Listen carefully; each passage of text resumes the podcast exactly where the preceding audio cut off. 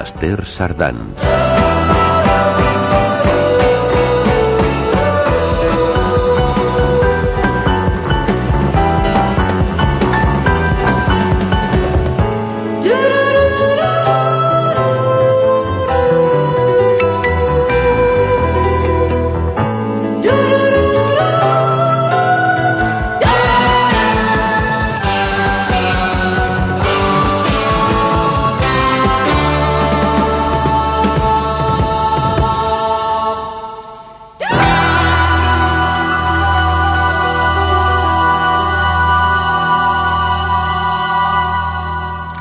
Segona hora d'aquestes nits amb Com Ràdio que ens duran directament a la Manegra amb Òscar Fornells. Bona nit. Bona nit. Òscar. Bona nit. Per parlar aquesta nit de, bé, d'antropofàgia o fins i tot podria, hi ha persones que també ho poden arribar a confondre, canibalisme. Realment parlar del canibalisme o l'antropofàgia, eh, sí, aquesta idea ja ens repugna una mica i fins i tot ens espanta i, i aquí podria fins i tot eh, creure, o no, no creure és a dir, que provoca una certa incrida, incredulitats, no? I potser el to més tranquil·litzador és que pensem que aquestes pràctiques es poden donar doncs, com molt lluny lluny no? de les societats en les, en les que vivim, però potser no tan lluny, no? i estan més arrelades del que nosaltres ens pensem. No? Home, les persones que els hi va passar els hi va tocar de passar gana durant la Guerra Civil, òbviament no deurien anar a patar el canibalisme, però deurien notar en el seu propi cos exactament fins a quin punt pot tensar la relació entre el racional i l'irracional la fam. Uh -huh. uh, hi ha un aspecte que a mi sempre m'ha sorprès molt de les societats modernes i de, del temps que ens ha tocat viure a nosaltres i és precisament doncs, aquestes grans crisis humanitàries o sigui, aquestes crisis que desplacen milions de persones d'una banda a l'altra o aquestes grans sequeres que fan aquestes grans fams, aquestes ganes generalitzades per, per, justament per una absència d'episodis de, de, d'això de canibalisme o d'antropofàgia. Que són dues coses diferents. Són dues la coses diferents. Antropofàgia, que ve del grec, és antropos humà, i fàgia, que seria l'acció de, de menjar, és l'acte d'incloure carn o altres teixits, no sang, perquè en el cas de la sang seria hematofàgia, d'humans a la dieta. Pot uh, passar ja sigui per depredació, quan una persona ha estat morta per un, per un animal que se'l menja, o, o per carronya... Sí, a veure, clar, menjar carronya és, seria una història. Sí. Vale? I, sí. i l'altre seria crear un sistema de, de civilització i de fer que allà inclogués l'ingesta de, de carn dels nostres Exacte. congèneres per sistema. No, i el, i el fet que tu també et mengis la, sí, la, la, la carn les humana. Sí, sí, sí, mm -hmm. I el canibalisme es refereix a, menjar carn d'individus de la teva mateixa eh, espècie, per exemple. Hi ha, cocodril, hi ha cocodrils adults d'algunes espècies que han arribat a menjar-se les seves pròpies cries cries de la seva pròpia espècie. Què fan ells? Ells fan canibalisme, però no fan antropofàgia. I el, altres cocodrils han arribat a menjar-se humans. Què fan aquests cocodrils? Doncs aquests cocodrils fan antropofàgia, però no fan canibalisme. Aquí el, la, la, la cosa és si et menges els de la teva mateixa espècie o no. O no. És, Val? és, és.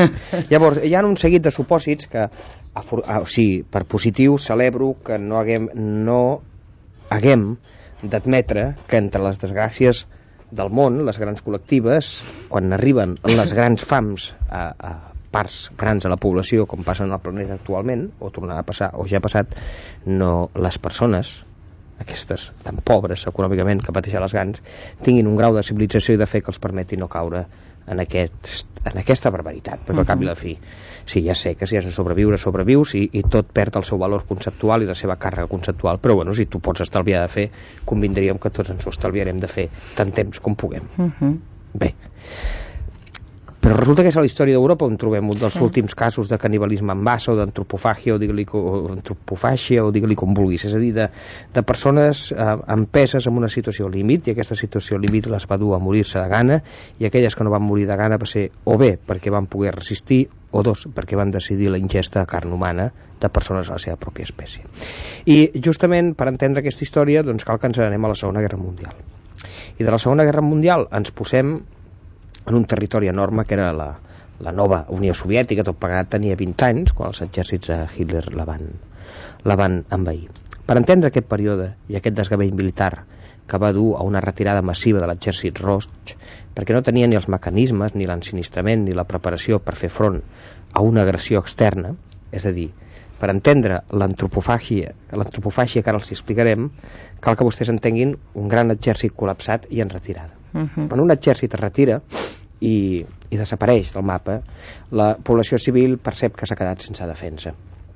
I, i quan d'aquestes vastes zones que l'exèrcit ha de renunciar a defensar-les perquè està en una franca retirada perquè no té la capacitat ni entès com ha de combatre l'enemic per poder-lo aturar, que seria el cas de l'exèrcit roig, doncs esclar, en aquest, en aquest corre que te les peles cap enrere, aviam si així ens posem prou distància com per trobar el temps per poder-ho repensar tot, aviam si trobem la manera de vèncer, o sigui, imaginis, doncs, esclar, eh, qui no era soldat no podia fugir o no fugia tan ràpidament. I per tant la retirada de l'exèrcit roig dins el seu territori va crear la deixar de la mà de Déu a grans zones industrials, estem parlant, estic parlant de ciutats més grans que Barcelona, uh -huh. ja l'any 42 i 43, grans zones industrials i grans metròpolis amb milions d'habitants que senzillament es van quedar soles, elles com a entitat organitzativa, i les persones que vivien davant d'un enemic ferotge,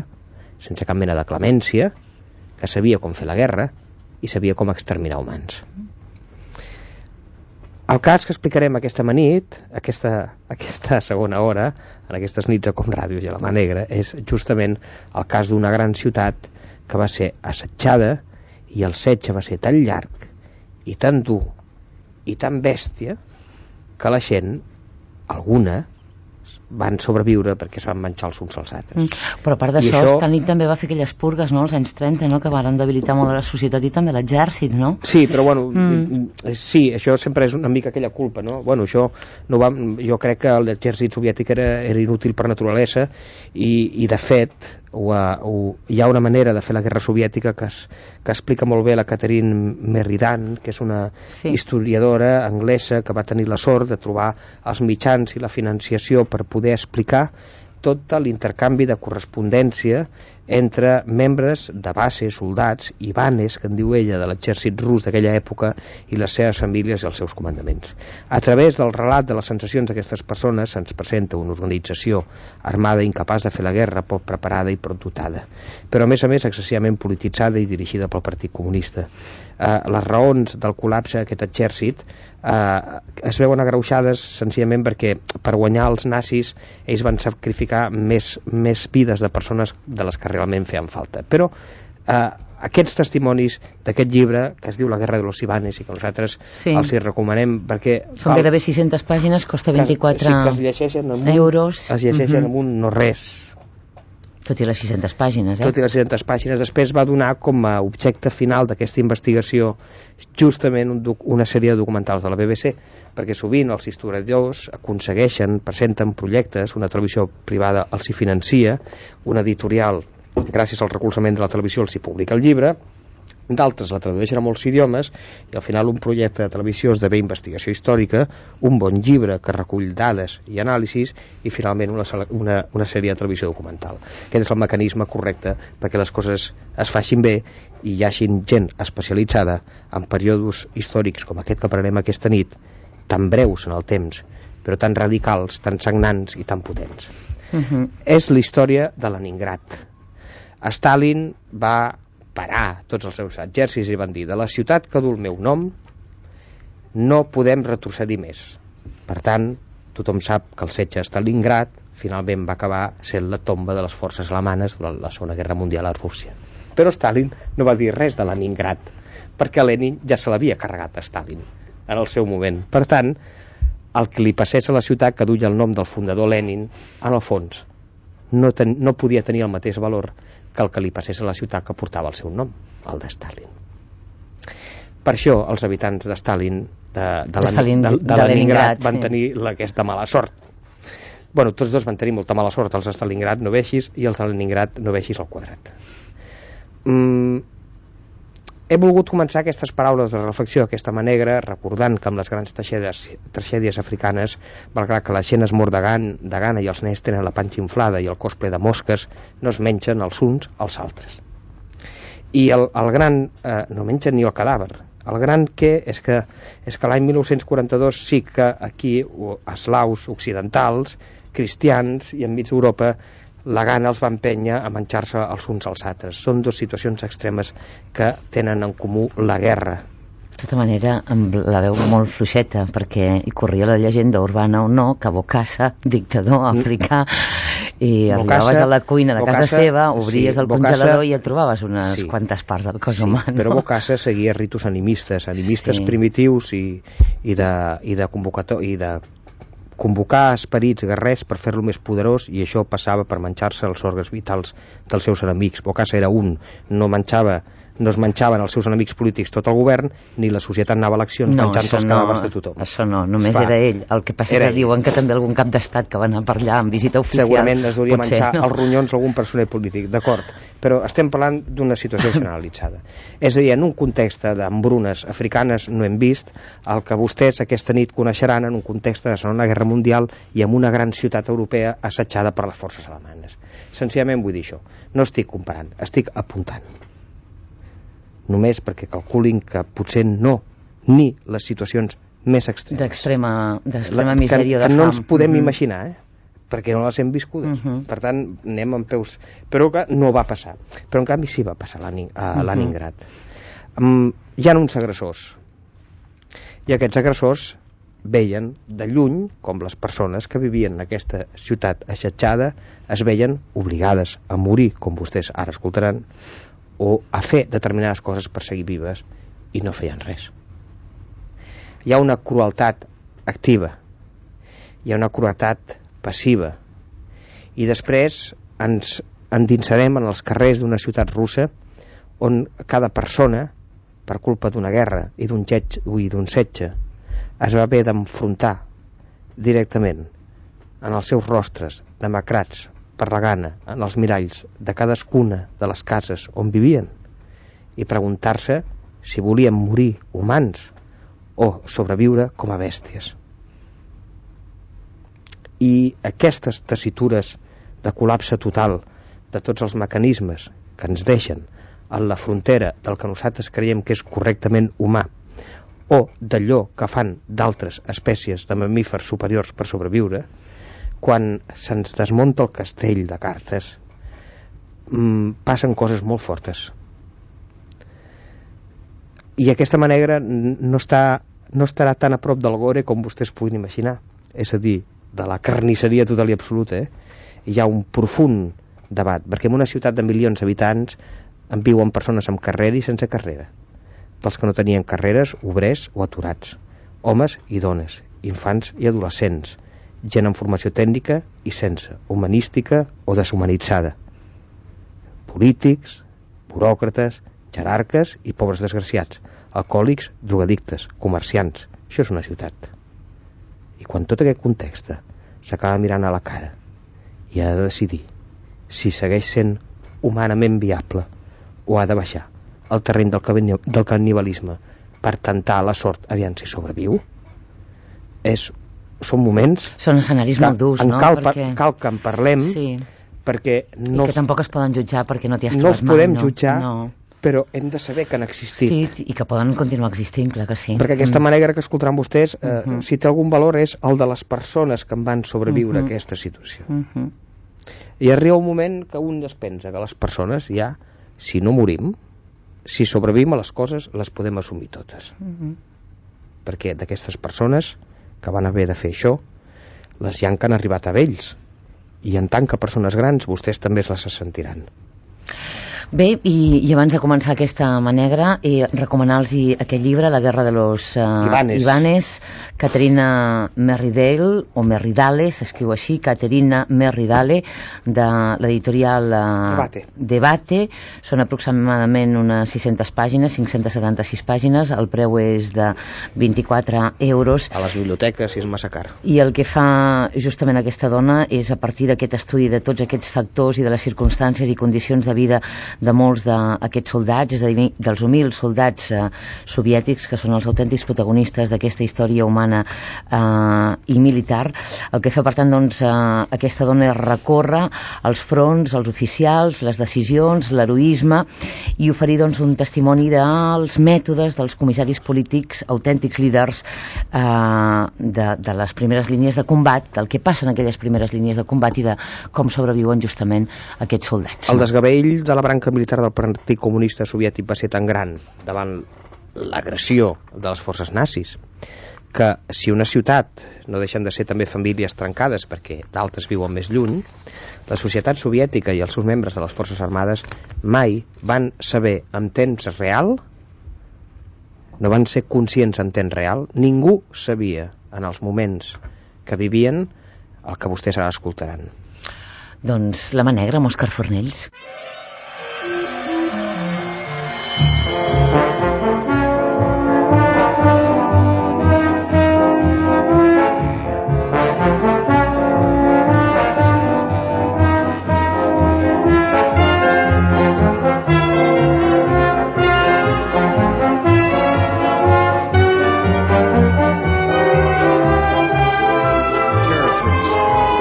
Collected by the CIA, the FBI, the National Security Agency, and others.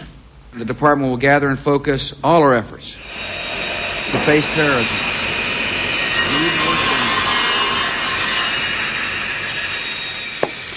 La història militar sempre ens parla de generals, tàctiques, valor i matances. Tothom tenim assumit que en una batalla les tàctiques les dissenya l'estat major d'un exèrcit. A la Segona Guerra Mundial, en la invasió nazi de la Unió Soviètica, es va produir un setge que va ser fruit d'una estratègia que no la va decidir cap estat major, sinó que ho va fer un metge, un dietista. La ciutat de Leningrad, actual Sant Petersburg, en el moment de ser assetjada per l'exèrcit alemany, tenia 3 milions d'habitants. 3 milions d'humanitats que van haver de patir 900 dies d'atacs, però per damunt de tot, de fam. Amb molt coratge històric, un equip de la televisió alemanya es va entrevistar amb les víctimes del setge d'aquesta ciutat i tal i com eh, anunciàvem en la primera hora del programa, el programa de la 2 de televisió espanyola dissabte, en el programa La Noche Temàtica, doncs va dedicar precisament aquest espai a Sant Petersburg. Òscar Fornells, bona nit. Bona nit. Bé, Esgarrifador, aquest documental, eh? Doncs sí, i potser encara tu perquè n'has vist la part final, la meitat més dura, però la primera meitat, la primera mitja hora, és més vivencial, per això tampoc l'hem recollida, és més humanista, però, en fi, hem de donar 4 o 5 ítems perquè ens situem, referents.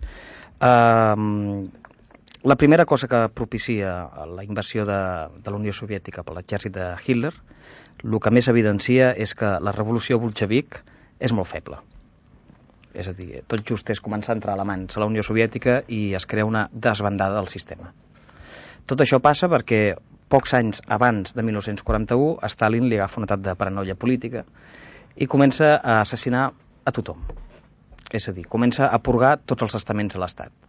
Des dels funcionaris més preparats, als eh, oficials més aptes per la guerra, els millors metges, els millors enginyers, és a dir, els millors arquitectes, tota aquesta gent va desapareixent. Stalin fa una purga de la societat i el capítol final és una purga d'afiliats al partit. Per tant, quan Hitler ataca, el sistema soviètic està... Debilitat. Debilitat i decadent. Mhm. -huh. I per damunt de tot és inoperant. I això explicaria que durant els primers mesos de campanya, doncs, eh, per les persones que vivien sota la dictadura soviètica, allò fos com, la, com el final del món.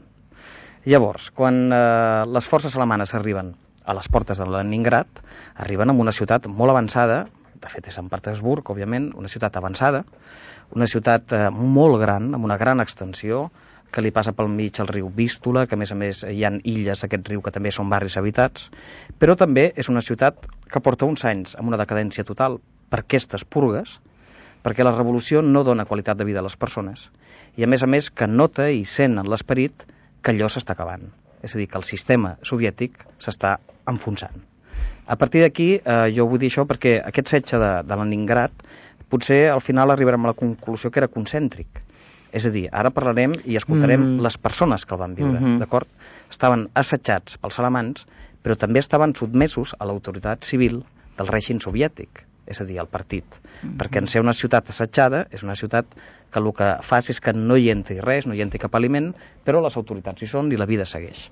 I, òbviament, aquest Partit Comunista Soviètic també comença una campanya de repressió contra aquella població per tal de que uns mínims en la, en la col·lectivitat de convivència i de disciplina i d'ordre i sobretot de, de sentiment patriòtic no es perdin. Uh -huh. Per tant, aquestes persones són víctimes del setge alemany, víctimes també de retruc de la dictadura soviètica. Mm -hmm. De tota manera, cal parlar de que, eh, en aquest cas, doncs, el, el cos humà o la logística de guerra que tenia l'exèrcit nazi era, era molt potent en el moment que, que invaeixen no només Leningrad, sinó en aquest cas doncs, a, al nord Leningrad, en el centre Moscou i en el sud Kiev. Bueno, no? ells quan comencen la campanya... Que fan com una campanya concèntrica, no? Sí. I es fixien precisament aquestes ells tres. Ells quan entren, quan entren ja, és a dir, tot, uh, poden... Estan parlant de més de 3 milions d'homes, eh, que portava l'exèrcit nazi. tot el territori d'Ucrània amb una mitja de 90 quilòmetres al dia que avançaven. Uh -huh. El gran problema que tenien és que al cap d'un trimestre de guerra ja tenien un milió i mig de soldats presoners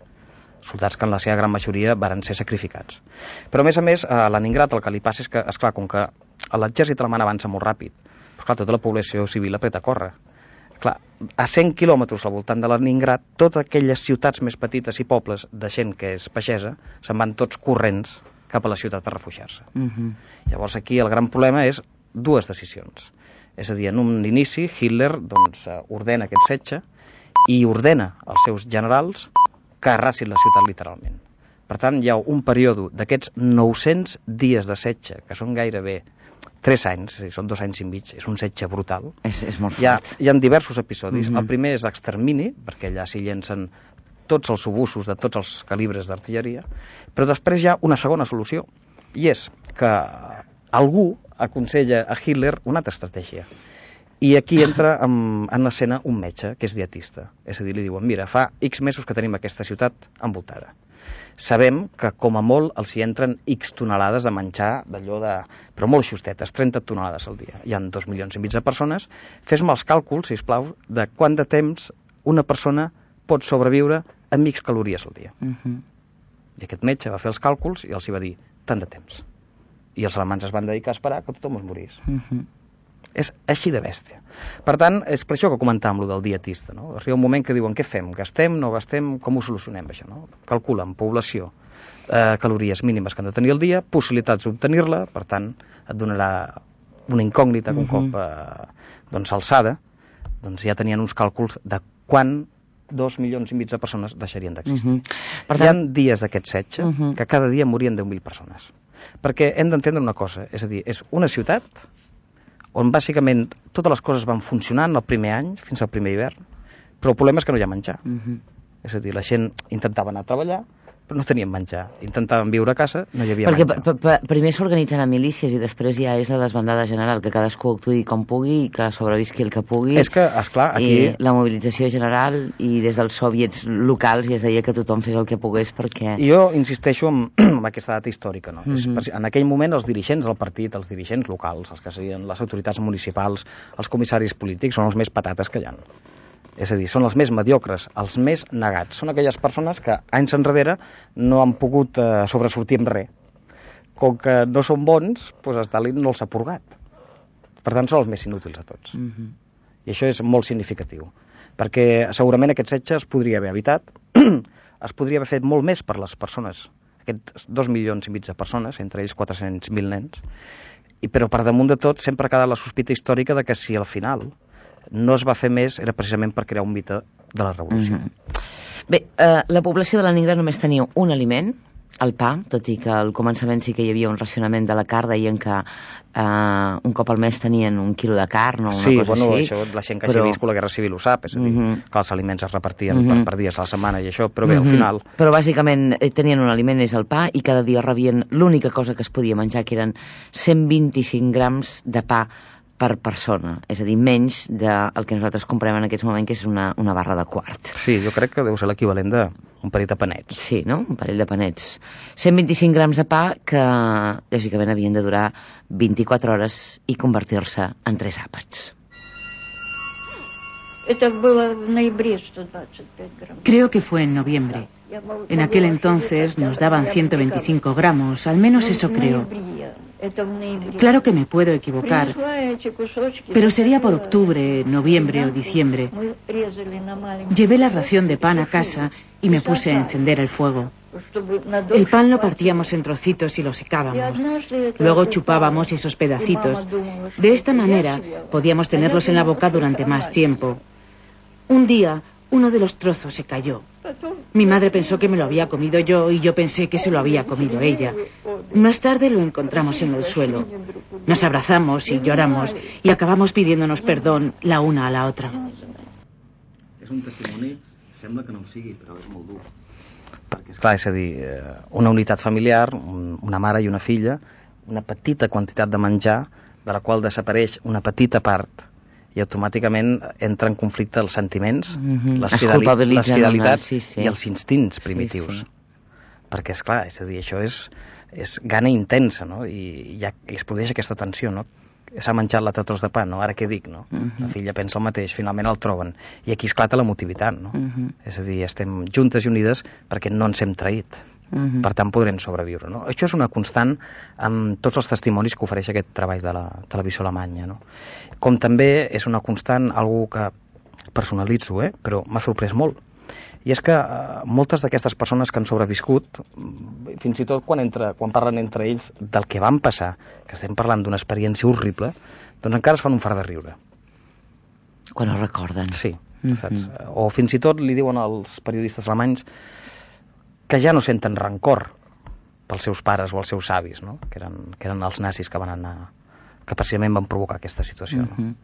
I això és admirable i et fa també pensar en la condició humana, no?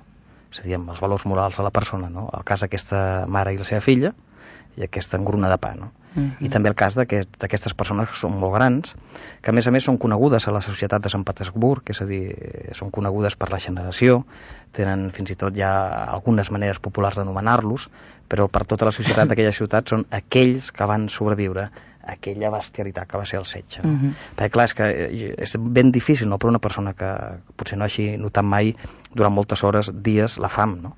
Però més estem parlant de, de dos hiverns, gairebé tres, no? amb temperatures de 40 graus sota zero. Això en quant les, als condicionaments externs, no? Climatològics. Després hi ha la falta d'aliment, que òbviament, òbviament t'enfableix. Després hi ha la visió diària de que el teu món, els teus referents... S'estan desmoronant, sí, sí. Correcte, de que ningú pot arribar a ajudar-te. No? Uh. -huh. Per tant, estem, és una situació molt extrema. No, deien que fins i tot es menjaven el cuir, la pintura, és a dir, qualsevol cosa que trobaven. Més endavant ja, ja veurem en quin extrem varen, varen caure, però els primers en caure van ser els animals domèstics, De fet, eh, els, el problema d'aquestes coses és que, és clar per molt que hi hagi una autoritat ferma, que vulgui allò mantenir uns certs valors i, una, i autoritats, ja saps com eren els soviètics mm -hmm. aquests, no? Vull dir, la, la portera era una espia, després hi havia el comissari del poble, devia ser un malson. De fet, ja eren pobres abans del setge, perquè ja passaven gana, perquè la revolució era un fracàs. Doncs eh, els primers símptomes que la cosa es desfà és amb les cartilles de racionament, no? Mm. És a dir, com que tothom anava als forns a buscar pa, hi havia gent jove que esperava a que un vell o una vella agafessin el pa per robar-li el pa i la cartilla. Fins i tot s'explica el cas d'una senyora molt gran, molt gran, que li roben la cartilla, però aconsegueix de, de fer front al jove, i un cop recupera el pa, se'l mira, l'abraça, s'abracen tots dos, i la senyora gran li dona el pa. Mhm. -huh. Cada dia a Leningrad, tal que ara com comentava l'Òscar, els historiadors calculen que morien 10.000 persones. Si ens posem en situació, que ja ens costa, però moltes persones sí. també han viscut o tenen vivències similars per la Guerra Civil Espanyola. És que és una situació molt sàdica. Ja, ja. És a dir, esclar, jo no sé, qualsevol persona que hagi estudiat medicina, doncs ara que l'enviessin a l'exèrcit i li diguessin, mira, veus aquesta ciutat de 3 milions d'habitants? Doncs els hi queda tant menjar, els hi entra tant menjar, fer, fes-me el càlcul, calories, aviam, quan moriran? Quan moriran. És que és, és d'un sadisme brutal. Mm -hmm. Potser entre moltes persones de vostès deduiran que les primeres víctimes eren els infants, eren les criatures, els nens i les nenes, però no va ser així. El invierno trajo consigo la muerte de muchas personas. Los hombres eran los primeros en morir. Nadie tenía otra cosa que pan. Y cuando el pan se había acabado, no quedaba nada. Nuestro padre también murió en invierno. Hacía tanto frío que dormíamos todos juntos. Yo dormía junto a mi padre. Y me di cuenta de cómo su cabeza cayó sobre mi cara. Me desperté enseguida. Mamá, a papá le ha pasado algo.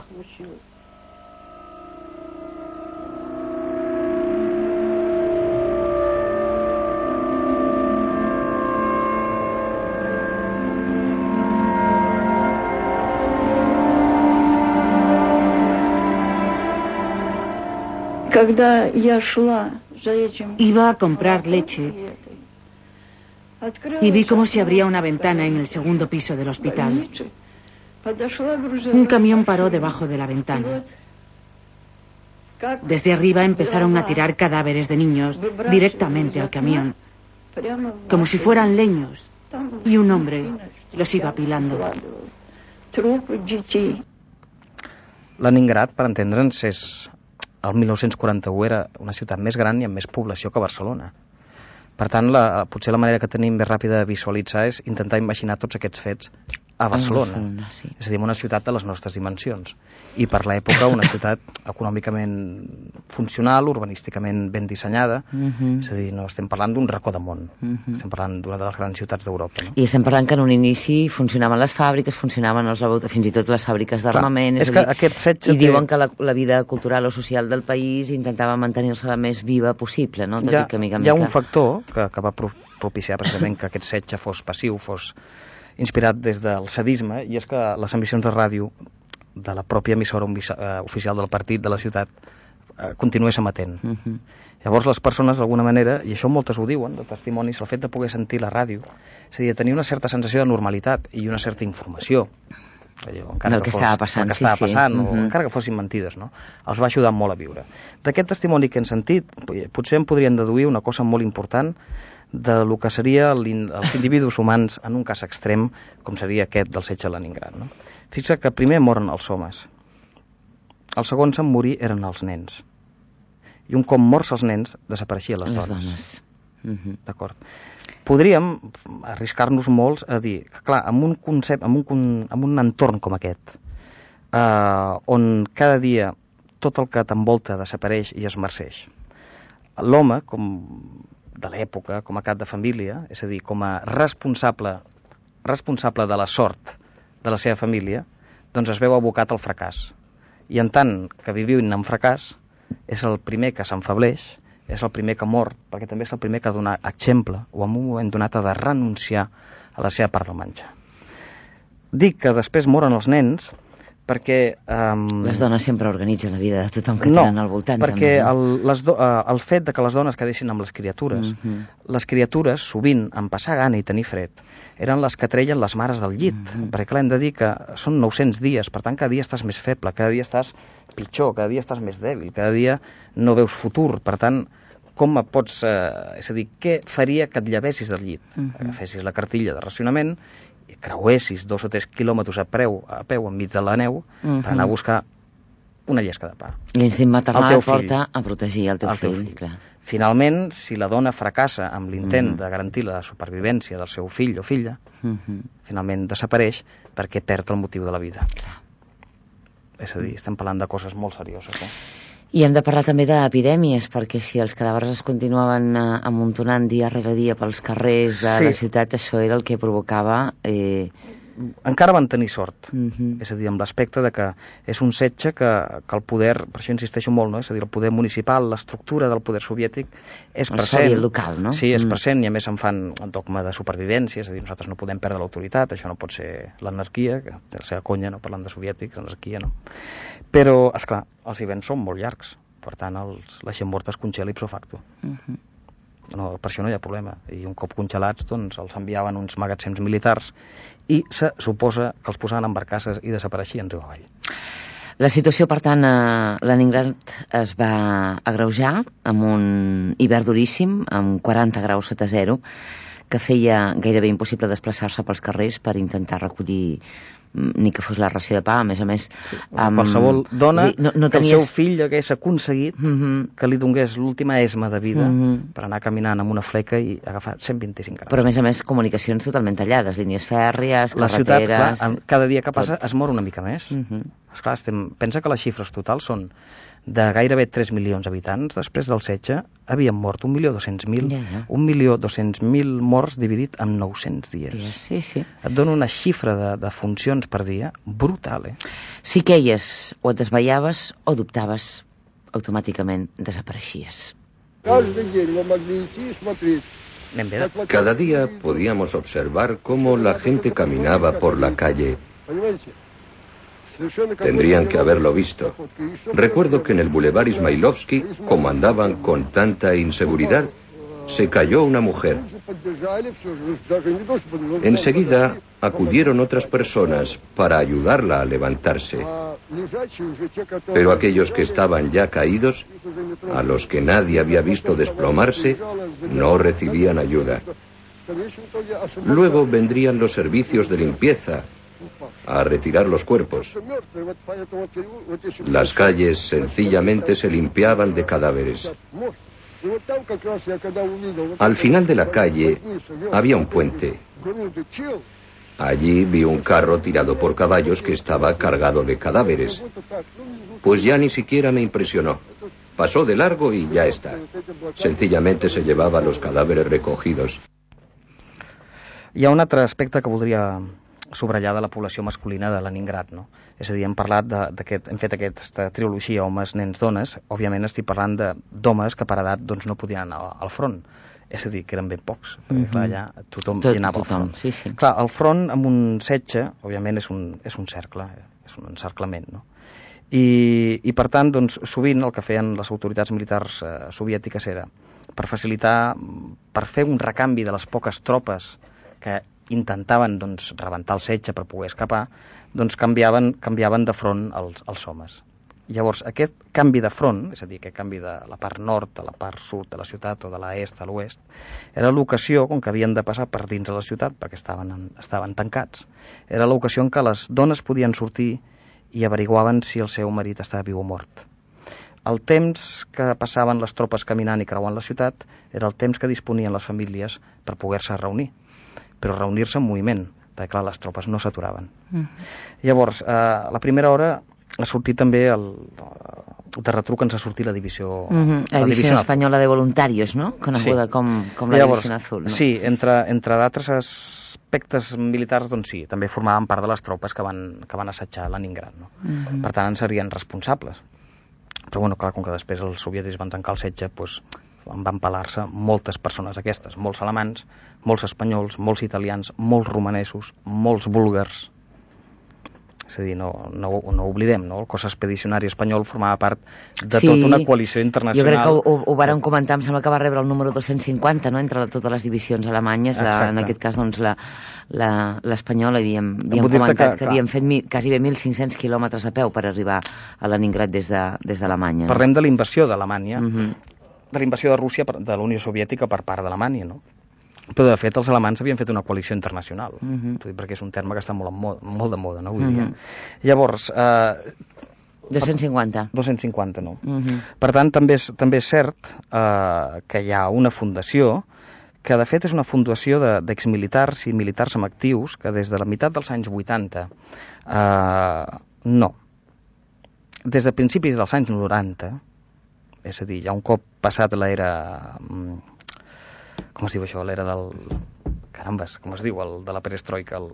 El Gorbachev. El Gorbachev. Mm -hmm. Un cop amb l'era Putin sí que s'arriben mm -hmm. a uns acords eh, diplomàtics que permeten a forenses militars i atenent la petició de les famílies programa, sí, sí, sí. A, a intentar investigar sobre la, els paratges on es creu que podrien haver estat certes persones i sí és cert que troben cossos, sí és cert que s'expatrien a Espanya Sí que és cert que si aquestes persones han estat enterrades en cementiris del país, doncs també se'ls els treu de les tombes i se'ls trasllada a Espanya, i sí és cert que el cost de totes aquestes operacions es paga, mm. es paga amb el pressupost de l'exèrcit. Per tant, amb diner públic.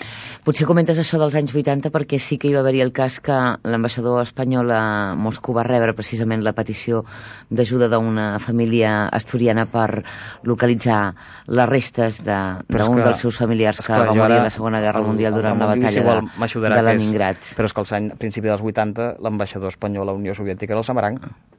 Correcte. Sí, sí. Doncs era un nano que tenia, que tenia 16 anys, no? Mm -hmm. i estava refugiat a, a Rússia, només en tenia 11, es va enrolar a l'exèrcit roig, va ser enviat com, com tants altres a una unitat russa que defenia la capital eh, davant la divisió 250. Jo, per aquelles coses de la vida, al revés, tinc, eh? tinc, un, tinc un familiar traspassat recentment que ell va estar, va estar amb la divisió azul perquè estava enamorat d'una noia alemana i l'única mm. manera que tenia de, de festejar era anar-hi, per entendre's, mm. no? I ell feia de traductor de l'alemany, no? Mm -hmm. I recordo que m'explicava coses d'estratègia de, de les forces soviètiques contra el front espanyol, no? Per exemple, es veu que, que era tradició el front espanyol quan arribava Setmana Santa de fer una processó per les trinxeres i, és clar que, va, que veien treure el cap de la verge, fotien un canyonasso i s'acabava la, la, processó, no? I, entre altres coses, potser també recordo que els generals espanyols anaven, anaven al camp de batalla vestits a bonito, és a dir, amb totes les medalles, i els franctiradors, quan veuen brillar la medalla de lluny, pues, se'ls carregaven directament. Leningrad sotmesa a un setge i seguia sota el control del govern de Stalin.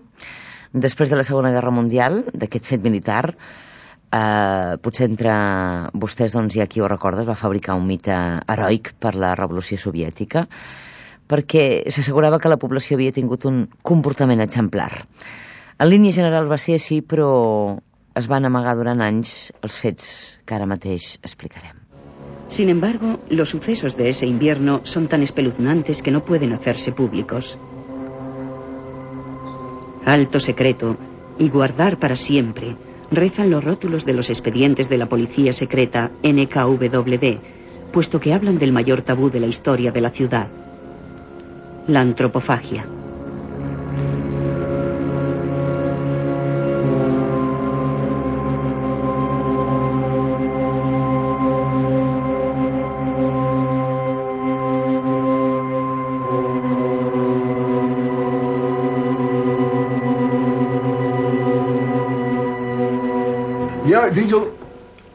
Yo solo lo he visto una vez, pero lo vi con mis propios ojos. Por eso puedo hablar como un testigo ocular.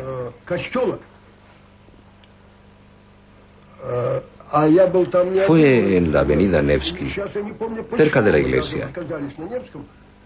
Yo no estaba solo, ni siquiera sé por qué estábamos allí. Vimos cadáveres de mujeres con los pechos cortados. Eso fue lo que vimos. Y todos los que pasaban por allí también lo vieron. Una imagen horrible, por supuesto. Pero en fin, como ya dije antes, nuestra capacidad para sentir y sufrir estaba ya muy mermada. I ara escoltarem un segon cas. Expediente SO 2580. Pavel Bashagin. El 6 de diciembre de 1941 golpea a su mujer con un hacha en la cabeza. Secciona el cadáver y se lo come. Condenado el 20 de diciembre de 1941. Muerte por fusilamiento.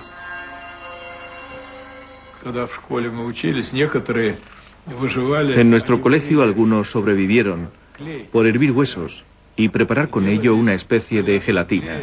Esa jalea se la comían.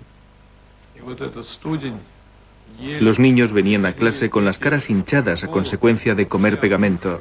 Otros estaban hinchados por comer cadáveres. Mm.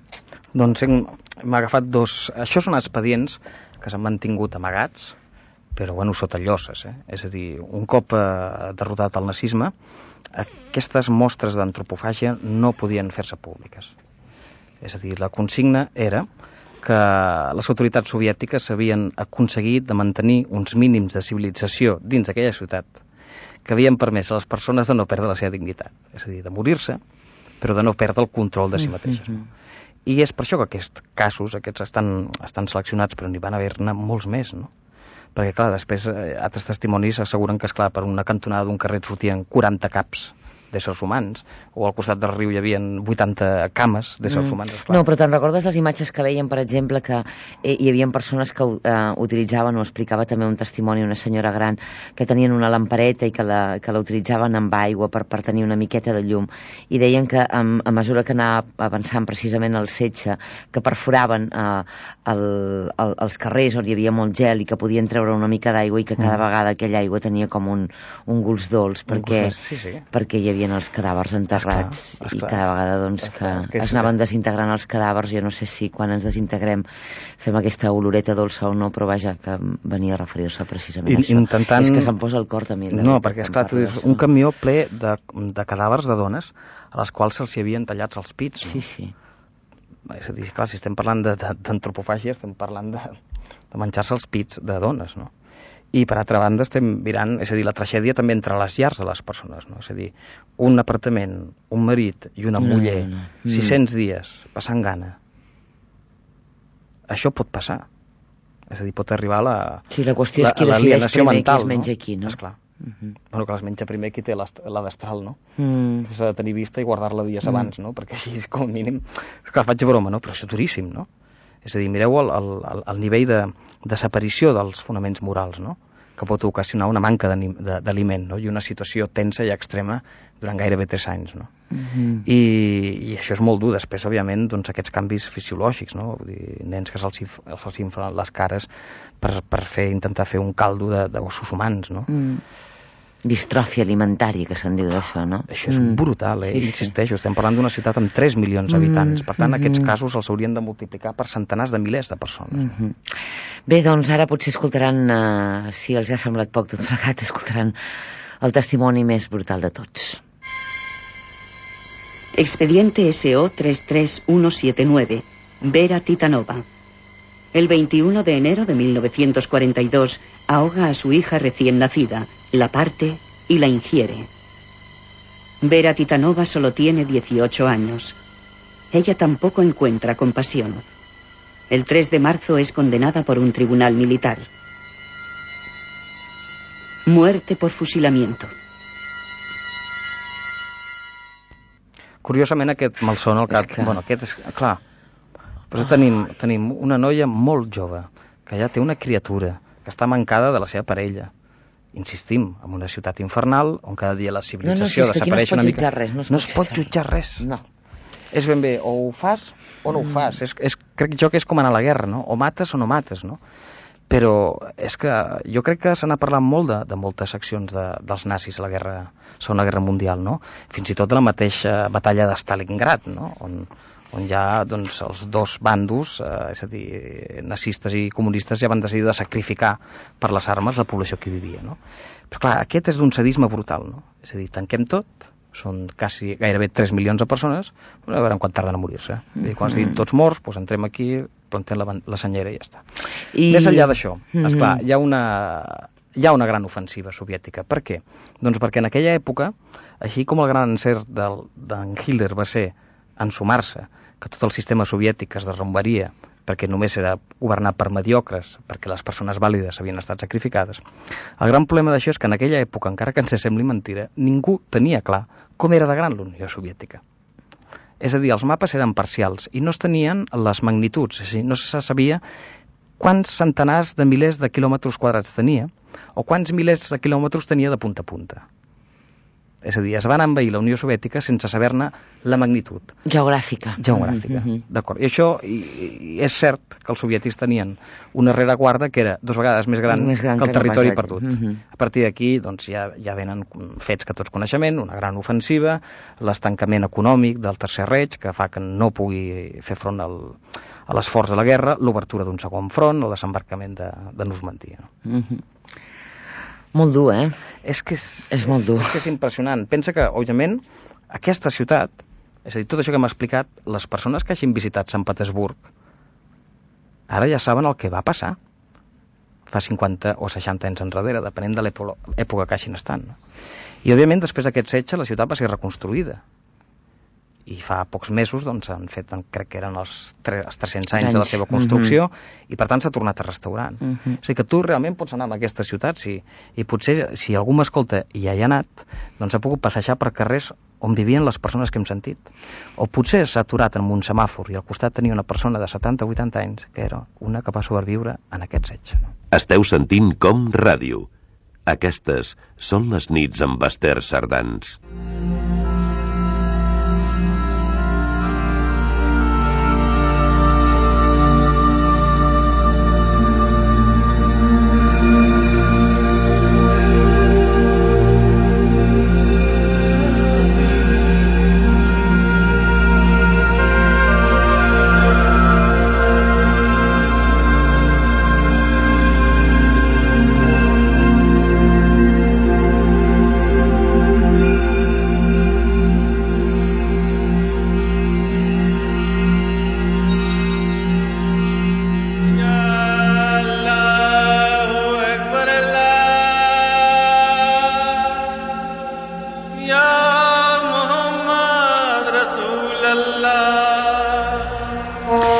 Fins aquí aquestes nits amb Com Ràdio. Els agraïm la seva companyia i sobretot, doncs, com sempre, la seva fidelitat. Raül Quadrado, a la direcció tècnica del programa, Òscar Fornells, també a la Manegra, i a vostès moltíssimes gràcies per la seva companyia. Que tinguin una molt bona nit.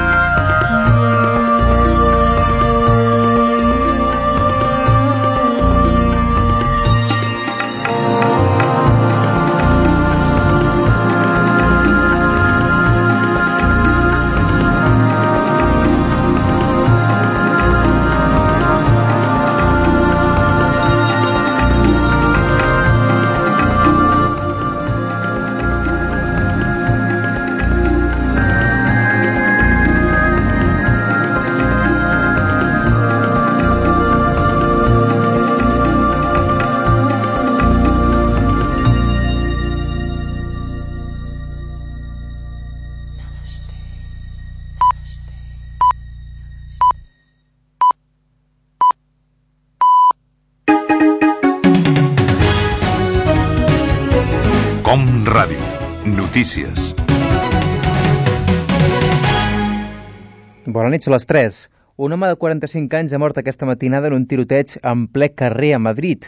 La policia i els efectius sanitaris s'han traslladat ja fins a la zona on han trobat la víctima amb una ferida de bala a la zona lumbar i una altra al tòrax. En el lloc dels fets també hi ha anat la parella de la víctima que ha hagut de rebre atenció psicològica. A hores d'ara, la policia investiga el crim i busca els implicats. Com Ràdio. Les faccions palestines, el Fatah i Hamas, han arribat a aquesta dita un acord per acabar amb els enfrontaments dels últims dies a la franja de Gaza. Tan sols aquest diumenge han provocat cinc morts i suposa l'escalada de violència més gran des que van acordar formar un govern d'unitat nacional el març passat. Aquest diumenge al matí, uns desconeguts han obert foc contra un cotxe en el qual viatjava un dirigent del Fatah i a la tarda un grup de militants de Hamas han mort dos membres de les forces de seguretat lleials al president palestí Mahmoud Abbas. I al País Basc, l'Artsainsa ha tingut aquesta nit dues persones per desordres públics després que intentessin boicotejar un míting del PNB a Lekeiti o a Vizcaya. Els dos arrestats formaven part d'un grup que la policia ha hagut de dispersar amb material antidisturbis quan intentaven pujar a l'escenari des d'on es feien els parlaments. Tot plegat passava el mateix dia que el portaveu de Batasuna, Fernando Barrena,